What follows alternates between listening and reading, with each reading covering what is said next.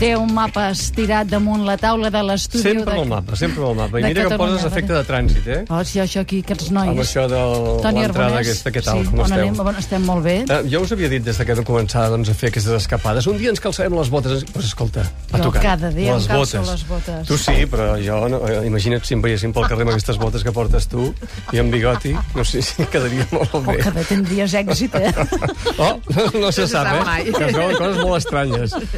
doncs, eh, bé, ens calcem les botes i, escolta, ens calcem no només les botes, ens calcem les raquetes, que això La, ah, sí, no em portes, sí. eh? No, que avui portes no, botes, no, però hi- afortunadament... Amb les raquetes s'hi va molt bé no ets caminant. com GURB, tu vas llegir, si notícies de GURB en el seu Sí, moment. fa molts anys, Saps això. que hi ha un moment que entra en una sabateria i es compra uns peus d'ànec i diu, caram, quin calçat més estrany tenen aquests humans. I surt... pues bé, jo he estat com GURB i m'he calçat unes raquetes, no de tennis, Sí, no? raquetes per fer muntanya, i me'n vaig anar als rasos de Peguera I què? que saps que va ser una estació d'esquí, ara ja no ho és, fa molts que està tancada. Vaig anar amb en Ramon Martí, de Berga, uh Mhm. -huh.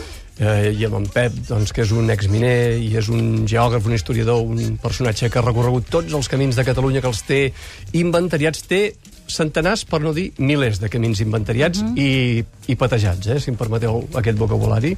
Doncs bé, amb ells i altres persones vam anar a Rasos de Peguera a fer raquetes de neu, encara que darrerament no ha nevat gaire, però hi ha prou neu per fer-ho. I has estat tu, havies esquiat a Rasos de Peguera? No, jo no esquio gaire, eh? Doncs- Jo sí he estat, Toni, jo sí he estat a rasos. Doncs I, ja I saps he anat fins a Peguera, que tu- però sense raquetes. Hi ha una caminant. carretereta que surt de Berga, puja fins a Rasos, sí. aproximadament són 18 quilòmetres, i arribes a la Creu d'en Cabré, mm -hmm. que és una creu que ja hi era abans que hi hagués l'estació d'esquí. En Cabré era un, va ser un exguerriller carlista, exguerriller, i després va ser bandoler, i doncs hi ha la Creu d'en Cabré, en allà deixes el cotxe i et calces les raquetes. Abans fas una mica d'exercicis d'escalfament, no es pot Sí. començar de zero, eh, s'ha de fer estiraments perquè Sí, sí, sí. quan sí. siguis a la muntanya no et faci crec alguna cosa. I bé, et calces aquestes raquetes que són molt fàcils de... Això sí, me'n vaig posar fa un mes, eh, de raquetes. De tennis? No, d'aquestes, Ah, d'aquestes, de les eh, d'anar per la neu. Sí. Bé, és un, si, si entreu a internet i poseu raquetes de neu, veureu, trobareu Se t'acomoda... milions de fotografies. Porta una fixació, Sí. s'acomoda la bota, es lliga la bota i amb això doncs camines per la neu.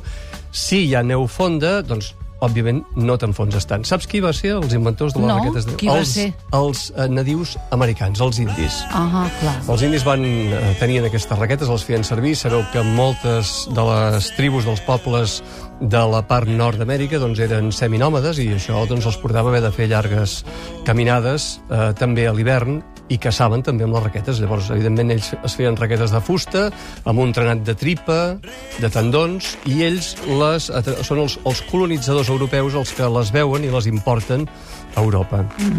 A Rasos de Peguera va ser el primer lloc d'Espanya on es va fer, on es va practicar l'esquí i no sé si va ser el primer lloc on també es van fer raquetes de neu, eh? és a dir, Que que estàvem que en no lloc adequat. esquien i vas a caminar. I llavors vam fer una passejada ja amb les raquetes calçades, vam els escal l'escalfament, doncs una passejada pel bosc, però no amb la intenció de veure qui arriba primer al capdamunt del raso, sinó amb la intenció de llegir el mantell de neu del bosc.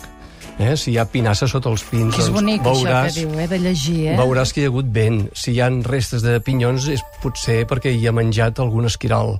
Eh, Es veien rastres. Depèn Sí. del rastre, saps si és un senglar, si ha passat una guineu, una marta, un gall fer, que és un gall salvatge, Ahà. i llavors així et vas entretenint i vas, eh, vas descobrint la vida del bosc, una vida que no es veu. Mira què diu en Martí de Calà, perquè li hem, pre hem preguntat, heu fet una caminada amb raquetes de neu? I ens diu, sí, fa uns dies, però vaig anar tuixent, molt recomanable. Mo- És molt recomanable, és molt recomanable i a més a més haig de dir que és molt senzill. Jo, per exemple, no n'havia fet mai i no és com l'esquí de fons que requereix una tècnica o l'esquí de muntanya. Si no has fet mai raquetes, jo gosaria dir doncs, que de seguida t'hi adaptes encara jo que no n'havia fet mentida. mai, camines de seguida i, i bé, camines eh? de seguida eh, sense ensopegar, eh? sense perill Perquè de res. agafes els pals i et Sí, agafes els t'ajudes. bastons, Sí. ja saps que si fas servir bastons tens un 30% més de consum d'energia. Eh? Si Caram. ho fas bé. Eh? Els Si que fan... t'aprimes. Oh, sí, o sigui que bé, és una cosa que deixo anar per, per aquells que Però la vulguin camines recollir. més bé, eh? Camines millor, perquè recolzes el pes, reparteixes el pes. Bé, i llavors, doncs, tot llegint el, el bosc, doncs vam fer cap fins a, al cim de, dels rasos, a 2.000 i escaig metres, feia un dia extraordinari. Uh, sabeu que una part dels rasos són propietat d'un xeic? Un xeic? Sí. Ho tenen tot, El aquests comte de xeics. Fígols resulta que va vendre una part dels rasos fa anys amb un xeic, no sabem el nom d'aquest xeic, i no sabem si farà canviar aquesta creu del cabrer, més a saber, no? Mhm. De moment això no ha passat.